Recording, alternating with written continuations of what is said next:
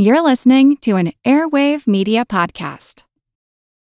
This episode is brought to you by Shopify. Forget the frustration of picking commerce platforms when you switch your business to Shopify, the global commerce platform that supercharges your selling wherever you sell. With Shopify, you'll harness the same intuitive features, trusted apps, and powerful analytics used by the world's leading brands. Sign up today for your $1 per month trial period at shopify.com slash tech, all lowercase. That's shopify.com slash tech. You know how to book flights and hotels. All you're missing is a tool to plan the travel experiences you'll have once you arrive.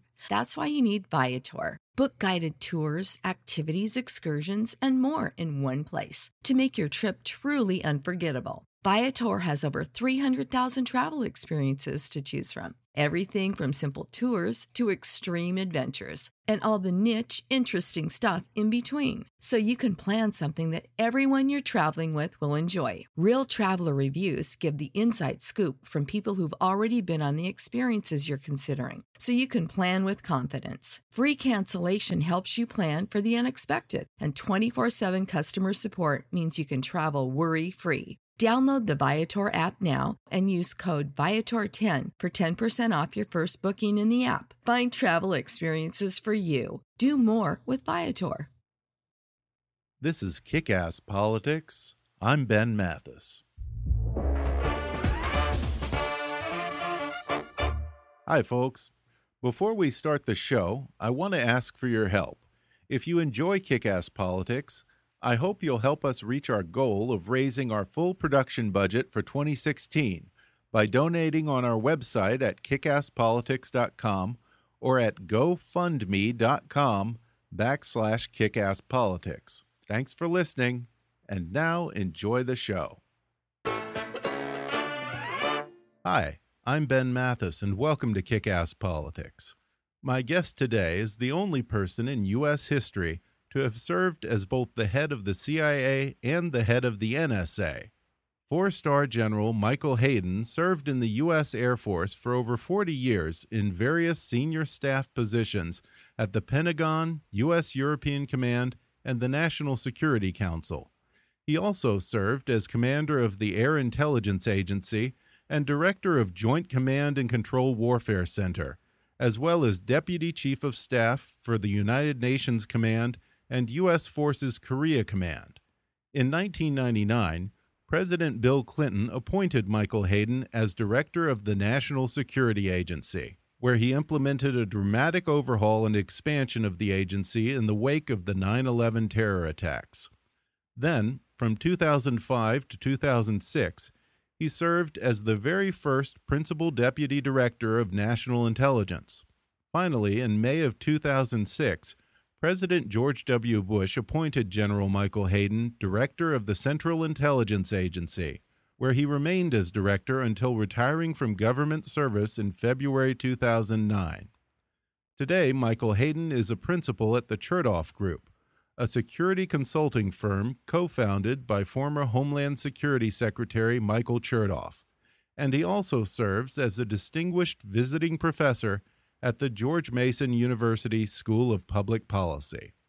On today's podcast, he'll give a frank assessment of the intelligence failures leading up to 9 11 and what he did as NSA director and later as the head of the CIA to close those intelligence gaps. We'll discuss the conundrums of domestic surveillance, CIA black sites, and enhanced interrogation. We'll also talk about cyber warfare, the Apple encryption controversy, and the personal toll of keeping America's secrets. Plus, he'll talk about why the U.S. military may be obligated to reject orders from a President Donald Trump, and whether he prefers his vodka martini shaken or stirred. Coming up with General Michael Hayden in just a moment.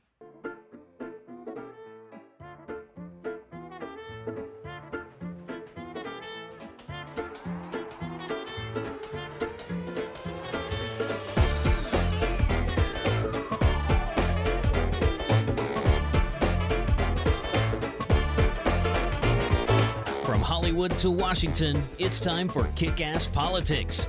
And now here's your host, Ben Mathis. My My guest today is former director of the NSA, deputy director of national intelligence, and former director of the CIA, General Michael Hayden. He has a new book called Playing to the Edge American Intelligence in the Age of Terror. General Michael Hayden, thanks for sitting down with me. Oh, thank you very much, Ben. Happy to be here. Um, if I ask you something that's classified or you can't discuss, feel free to kick me under the table okay. here, okay? the book is really interesting. I think it, it's about as detailed a picture of the U.S. intelligence apparatus as I've probably read, or as detailed as one can disclose, I suppose. Um, briefly explain the title of the book uh, because sure. it sums up your whole philosophy. It is. And, and actually, I didn't have a title. I had a manuscript, you know, the 85% solution, still needed a little work. And I went to my wife and said, You've kind of looked over my shoulder while I'm doing this. What do you think we should call it? And she actually said, Playing to the Edge. And then I put the colon in and American intelligence in the age of terror. And, and, and she knew uh, what animated me while I was director of those agencies, which was to play hard, was to take the, the full authorities we had been given. You know, when the circumstances warranted it, Ben, to go all the way out to the line. Uh, the, the way I put it, and I mentioned this in the book, I knew playing out to the line was going to lead to some uncomfortable congressional hearings someday, maybe some uncomfortable press coverage someday. I mean, the American public is a little fickle about their intelligence services. Right? But I also knew that if I played back from that line, I might be protecting me, but I wasn't protecting the country. Yeah. And and so I, I, I did I, I, did want to play to the line. And in fact, when I when I decided to write the book, Ben, as you suggest, that was kind of an underlying theme. I don't think this is a mean spirited book. You know, it's not a kiss and tell book, but it's not it's not apologetic either. And that that's why the title fits very well. Yeah, and I'll tell you, you know, I think my biggest takeaway, not to sound cynical, but my biggest takeaway from the book might be what a thankless job it is protecting America. Because, correct me if I'm wrong, it seems that, you know, if you're in the intelligence game, you're either damned if you do or you're damned if you don't. Well, the the, the existential wine we have, and that's W H I N E, uh, is that American political elites, not not average Americans, but American political elites feel free to criticize their espionage services for not doing enough when they feel in danger. And then to turn on the dime and criticize them for doing too much once they've been made to feel safe again. You definitely you have no love for politicians in Congress or many politicians in well, Congress in this book. You know, I yeah, I I, I am kind of candid, and then again, it's my point of view, and and I was off put by by what I viewed was inconsistency from time to time. Hmm. But I said this last night uh, to another group. You know, nobody gets a road built in the district back home or a bridge resurfaced or built for being on the Intel committee. And That's so, a good point. So those those are very serious people, but but our political pressures are such, and our political system so fractured, Ben, that an area of activity which used to be kind of the temple of bipartisanship has become very partisan. And and that's kind of what I was trying to reflect. Well, yeah, and politicians basically have the luxury of being able to play both sides of the fence on this. Well, uh, they do, and and you know what? And I mentioned this in the book too.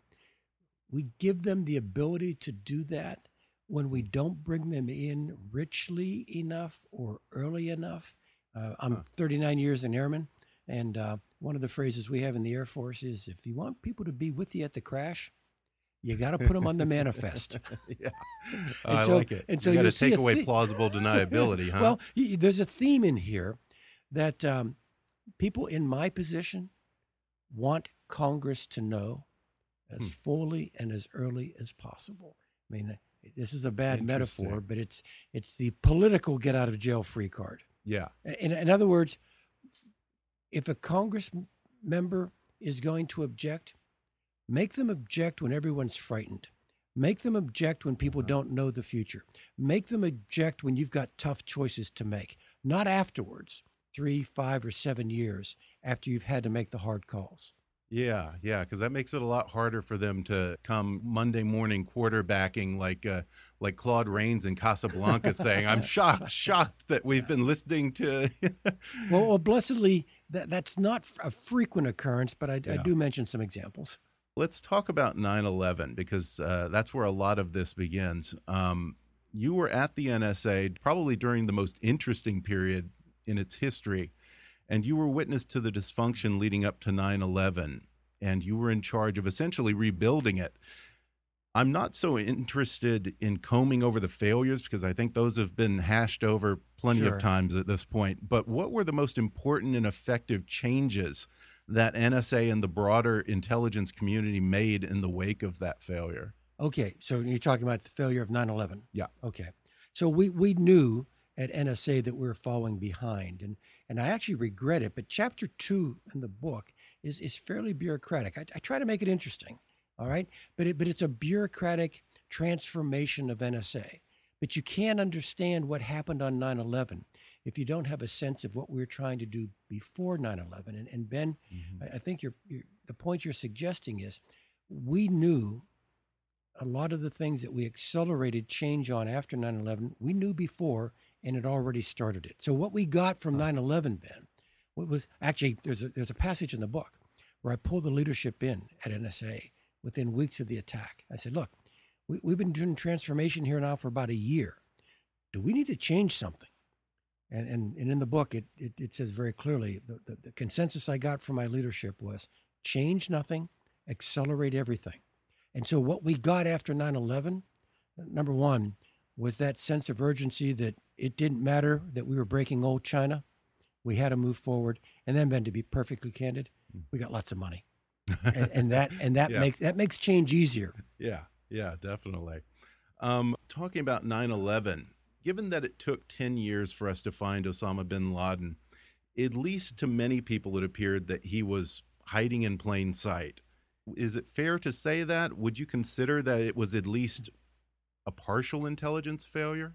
You know, there's a passage in the book where I talk about uh, CIA analysis. Mm-hmm. And I, I, get that get asked the question, General, on a scale of zero to ten, how would you rate CIA analysis?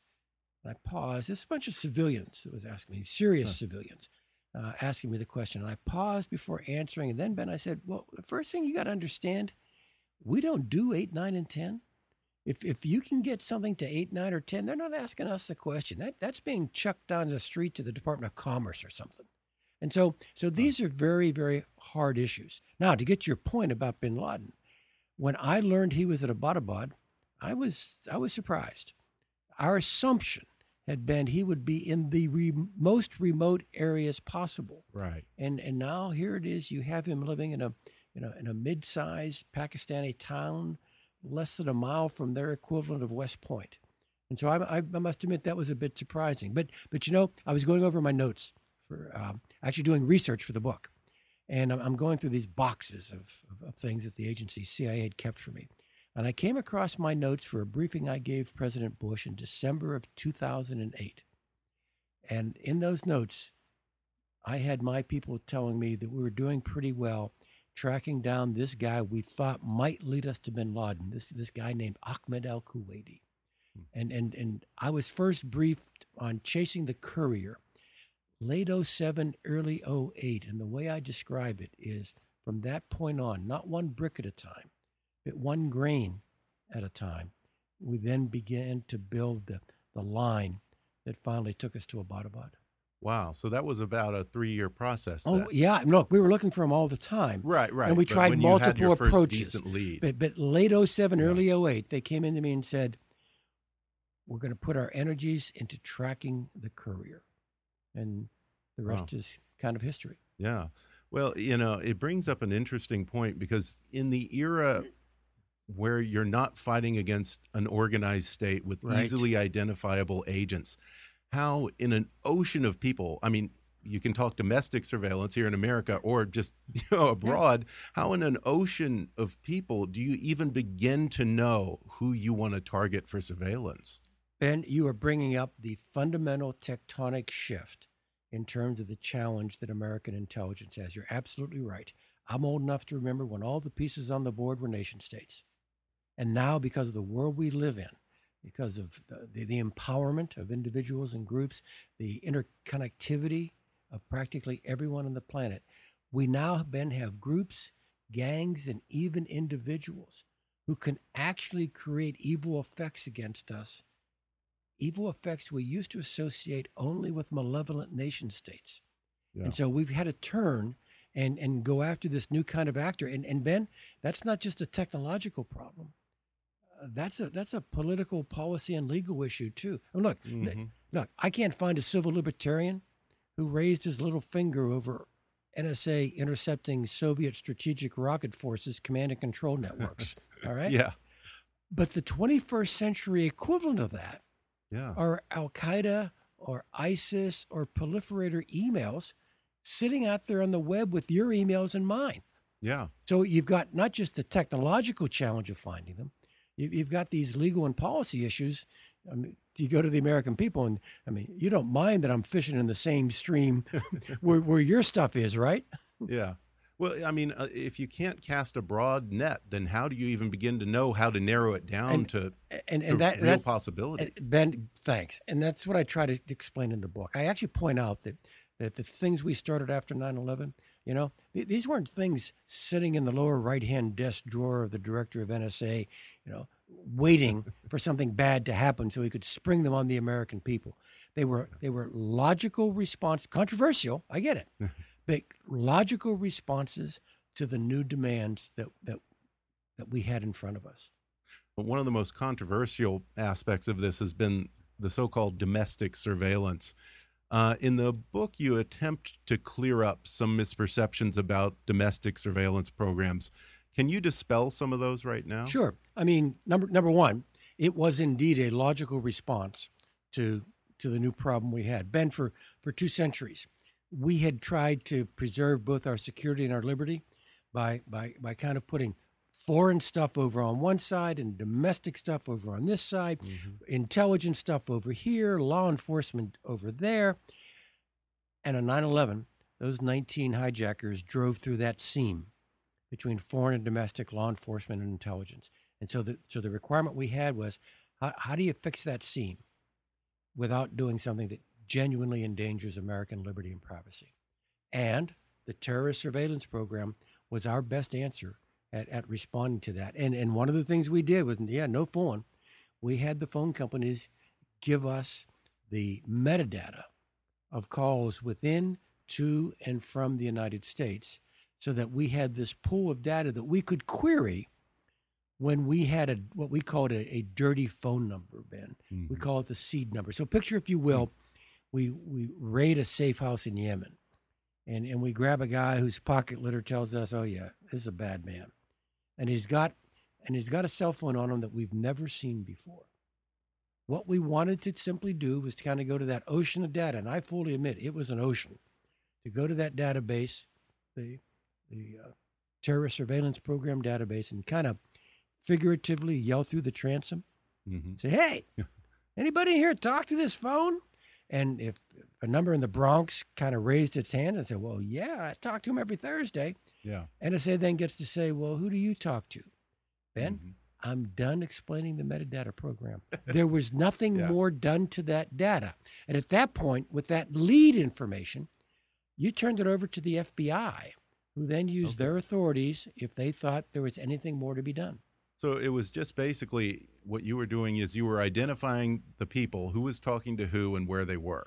You weren't actually reading texts. oh no, no, no, no, phone calls. no. Now there there were other the parts. FBI was. there there were other you know, parts of the program that allowed us to intercept international calls. Mhm. And so this could be terrorist calls, both ends of which were in the United States. I'm sorry, both ends of which were abroad, or one end of which was in the United States. And indeed, Ben, without a warrant, NSA did intercept the content of those calls, but we already had reason to believe that one or both numbers were already associated with Al Qaeda. And, and frankly, Ben, that was never controversial.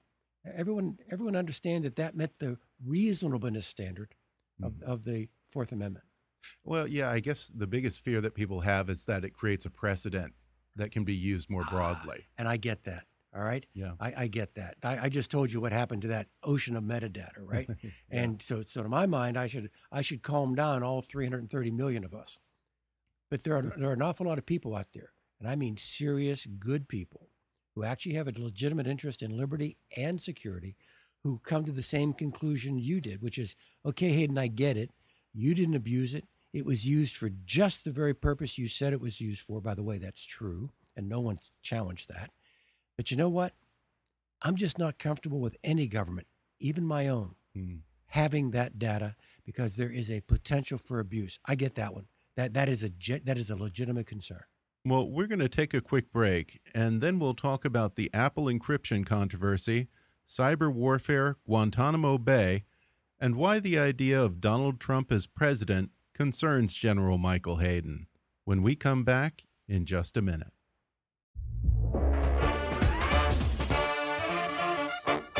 If you're enjoying my conversation with General Michael Hayden, then you should read his new book, Playing to the Edge American Intelligence in the Age of Terror.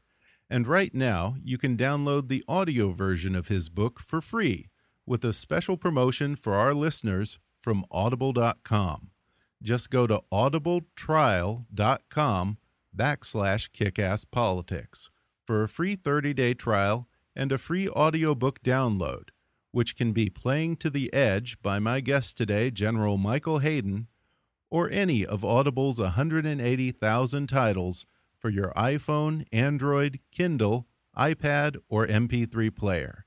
That's audibletrial.com backslash kickasspolitics. Or click on the sponsor link on our webpage to download the free audiobook of your choice. And now, back to the show.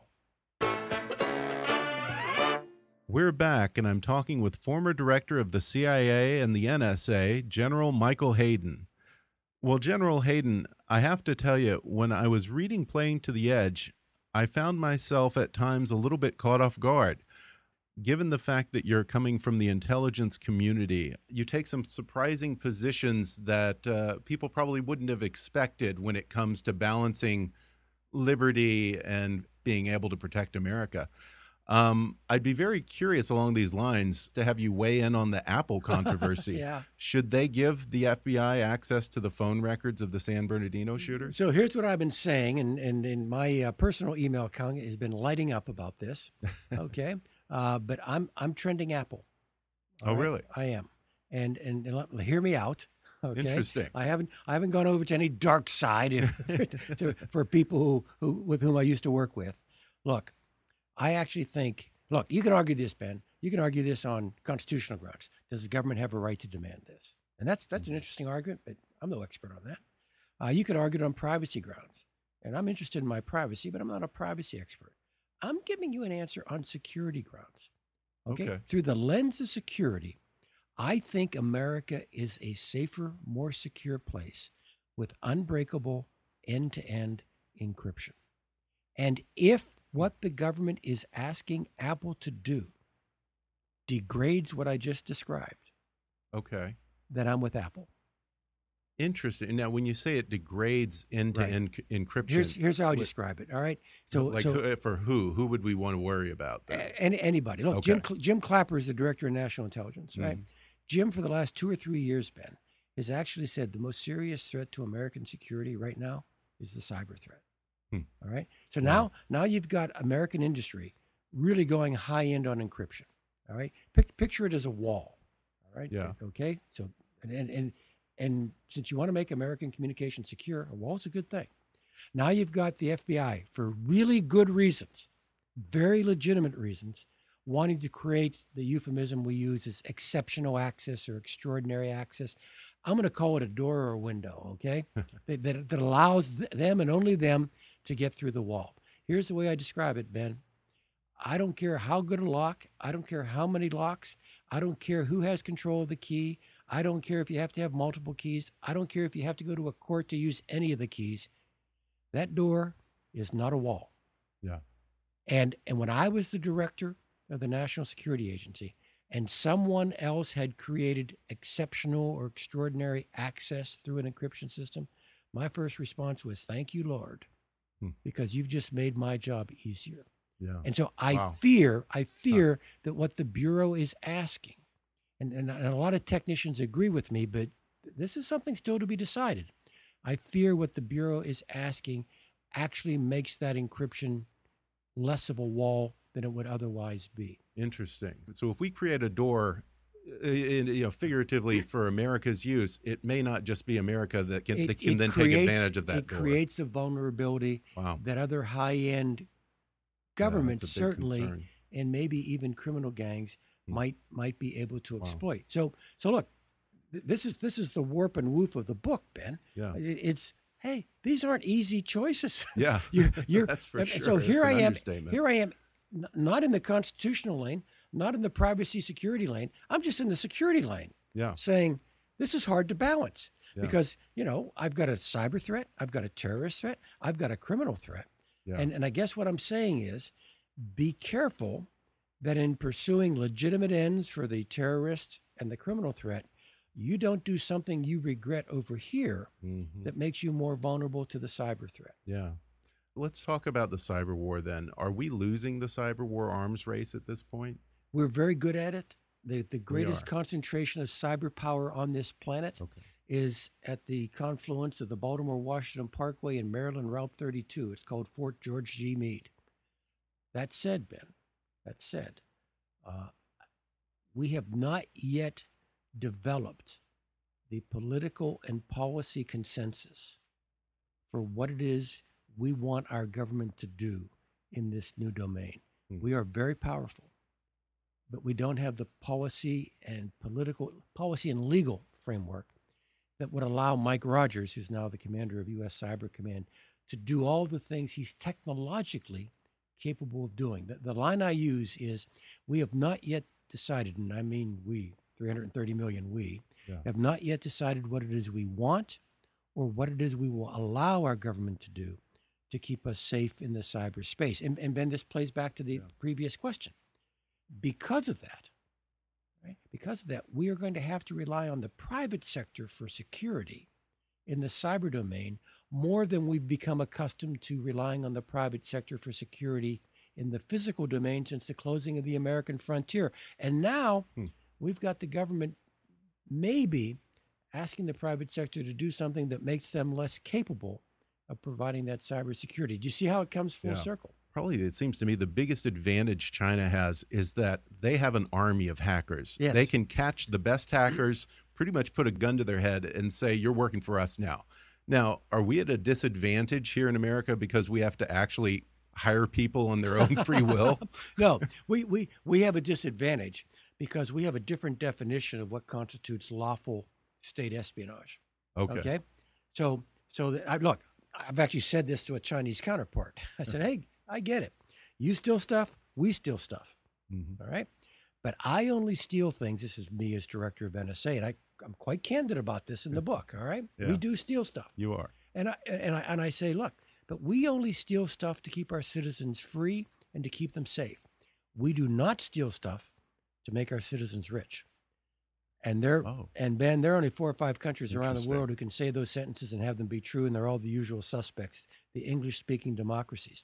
So what we now have here is is a country like China, whose cyber power is, is not the same as ours, that pretty much conducting what I would call unrestricted submarine warfare. Yeah. okay, Yeah. they, they, they Yeah, they have no scruple. they they let their government sponsored activities steal things we do not allow ourselves to steal from other governments. Yeah. Now, if China or Russia or North Korea were to attack us, are we capable of hitting back with equal or greater force? We are. We, we we have tools, all right? But the problem Yeah. but the problem Ben is the the cyber domain gives tremendous advantage to the offense. Yeah. And and, and so That's and, true. and and so e- even point. even a less capable state can create great havoc here in the United States. Now you, you gave a list of countries. You said Russia, China, and North Korea. Mhm. I, I am I am actually less concerned about what I would call a near peer, uh, China, for Okay. example, creating catastrophic damage here.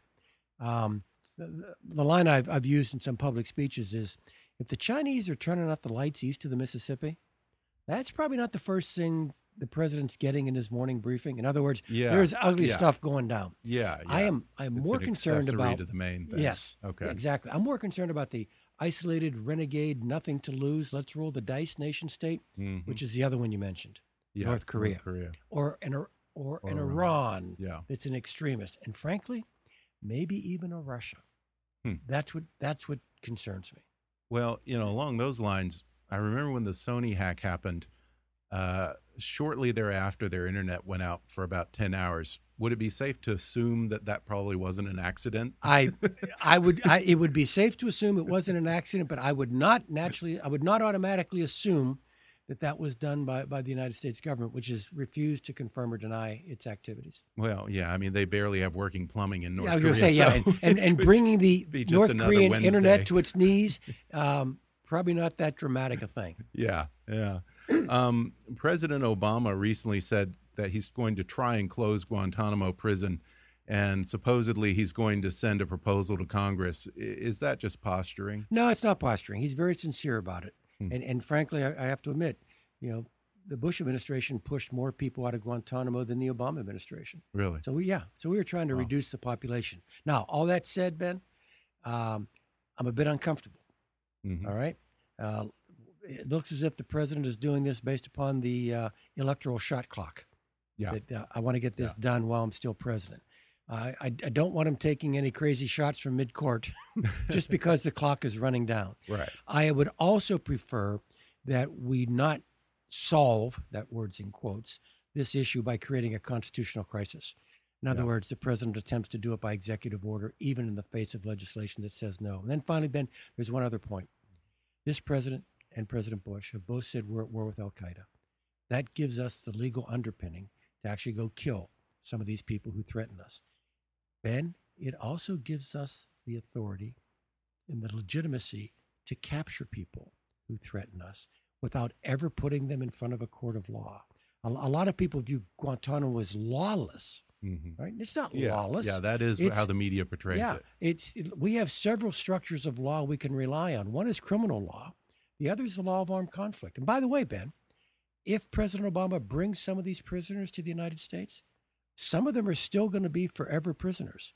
In other words, people were never going to try, and people were never going to let loose. I actually think, as part of a package solving Guantanamo, you can probably tell I'm less interested in the geography Mhm. than I am in the Right. broad approach. I think, as part of a package with regard to Guantanamo, might be a commitment that we actually are going to go out there and capture people as members of an opposing armed enemy force without this pre existent requirement that we don't grab anybody unless we think we can put them in front of a judge in New York. Yeah. There are also many people who call for closing of these so called black sites, these secret prisons operated mostly in host countries outside the U.S. You have argued in the book that we need to empty them but not close them. If we're going to empty these prisons, then what's the purpose of having Sure, them? that, that was that was contemporary. That was that was my hmm. position in 06. Okay. All right. And I became director in May. The uh, detention interrogation program was a pretty big ele- elephant in the room. Uh, we needed a way forward. And what I said to the president, eventually, through Steve Hadley, the national security advisor, Oh, yeah, was- he's been on the show. yeah, I, I, I said, Steve, we're not the nation's jailers. We're the nation's intelligence service. Most of the intelligence value of these guys has already bled off. I get it, Steve. It's not zero, but most of it is bled off. I want to pass these guys on. So on Labor Day weekend, 06, Ben, we shipped uh, 14 prisoners to uh, Guantanamo. But I said to Steve, Steve, but I don't want to close these places. I can't predict the future. We may want to put additional people in here to interrogate them. And in fact, Ben, over the next two years, I did put two people in those prisons. We we drew down the number of interrogation techniques we would use. We went full Monty to the entire congressional oversight committees, and the president actually was quite public that we that we had done this. That was the state of affairs for the rest of the Bush administration. Then, when President Obama becomes president, he makes the decision to close the black sites and to, frankly, not interrogate anyone under any regime other than the Army Field Manual. Hmm. So you've got you- you've got this step process. But by the Yeah. way, um, you know, I disagree with that, and I, I I outlined in the book why I said to the incoming administration, you know, you want, might want to keep your options open. But let me Yeah. let me let me say something that I say in the book that might surprise some of your listeners. All right, there is powerful continuity between the Bush and the Obama administration over most things when it comes to fighting terrorism. In fact, I would make the case, Ben, there was a bigger change between 43-1 and 43-2, President Huh. Bush's administrations, than there were between President Bush and President Obama. Yeah, that makes a lot of sense. I actually believe you. Um, well, you've made some real headlines in the past few days here because you said that, uh, you know, and today is we're recording this on Super Tuesday. We are. Uh, you said if Donald Trump were elected, the military would not necessarily be obligated to follow certain orders of his that, that he has described. What is it that scares you the most about the idea of Donald Trump as commander in chief? Well, here's how I've characterized it, and you know, I, I try not to be a political person. So I'm asking you, I'm, I'm answering your question as a, a military professional. All right. So number one, or a national security experience kind of guy. Yeah. All right. So number one, what I say is, if a President Trump governed consistent with some of the things he has said as candidate Trump, I would really be worried. I would be Yeah. scared. All right. So that's that's one. Specifically, what candidate Trump has said is that he would put the families of terrorists at risk. In other words, he actually said he would kill the He said, families. yeah, he said he would Yeah. kill families and yeah of terrorists. Yeah. Um, which that's a war crime, right? It is a war crime. It's it's consistent. It's inconsistent with the laws of armed conflict. it's inconsistent with the code of military ethics. And, and here was the punchline. I simply said on Bill Maher last Friday, I don't think my old friends would do it. Yeah, They just wouldn't carry it out. yeah. now, Well, now, now, Bill said, "Oh, it's a mutiny." I said, "No, it's not a mutiny. It's not overthrowing the government. It's simply saying an unlawful order is not an order." yeah, yeah. Well, I hope that they wouldn't carry that out. Um, well, before we go, there's one aspect of your job that I have always wondered about personally.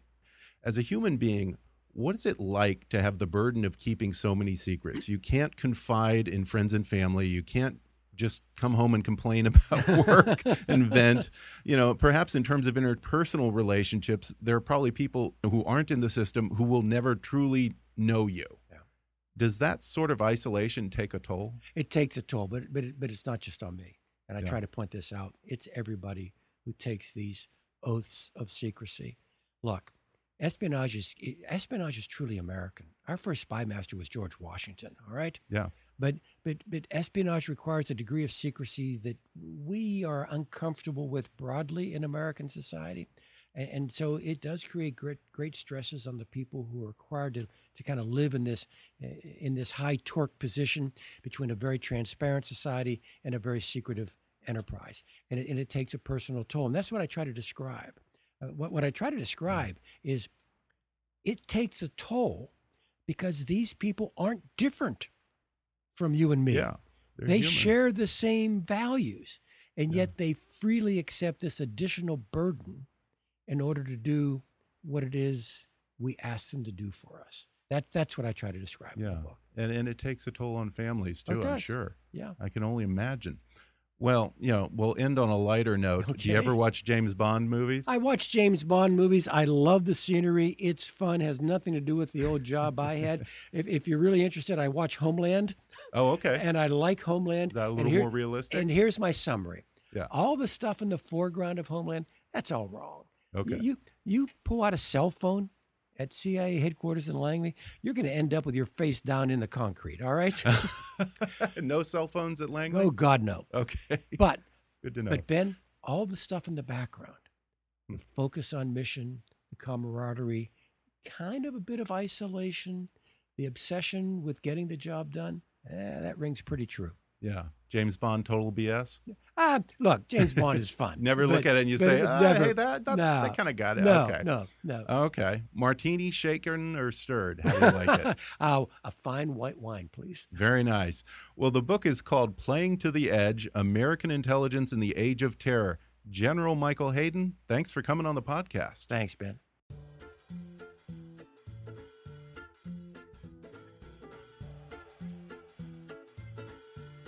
My thanks again to General Michael Hayden for coming on the show. And you can follow him on Twitter at, at Gen M Hayden. That's G E N M H A Y D E N.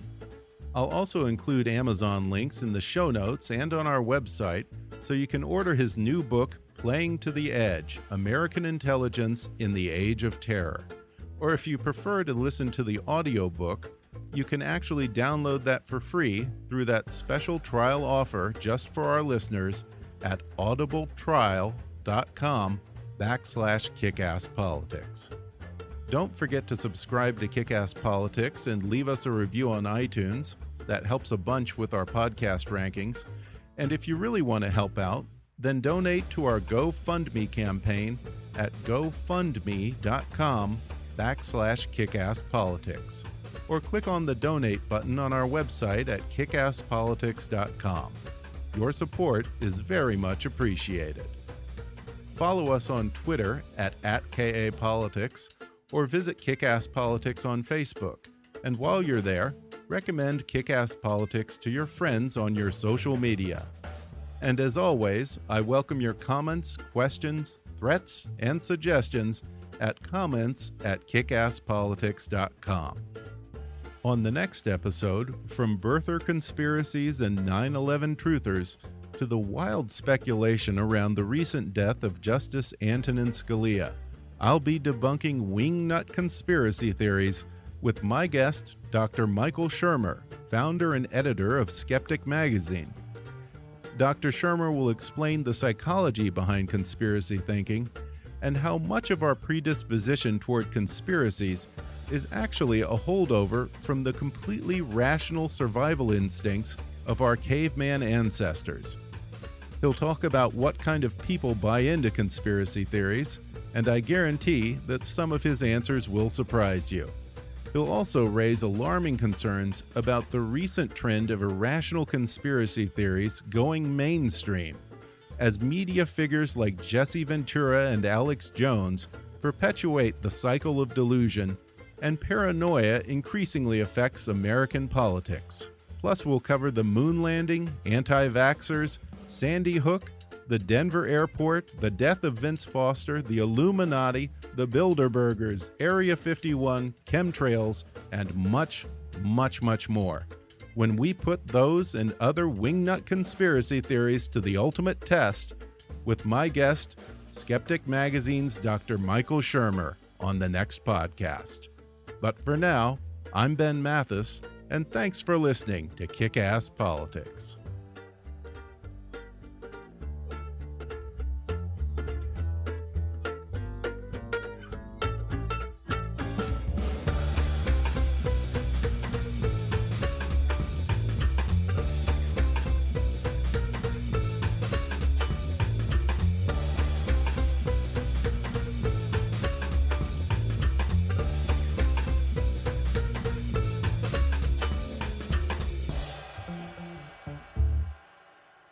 Podcast may not be reproduced without express written permission.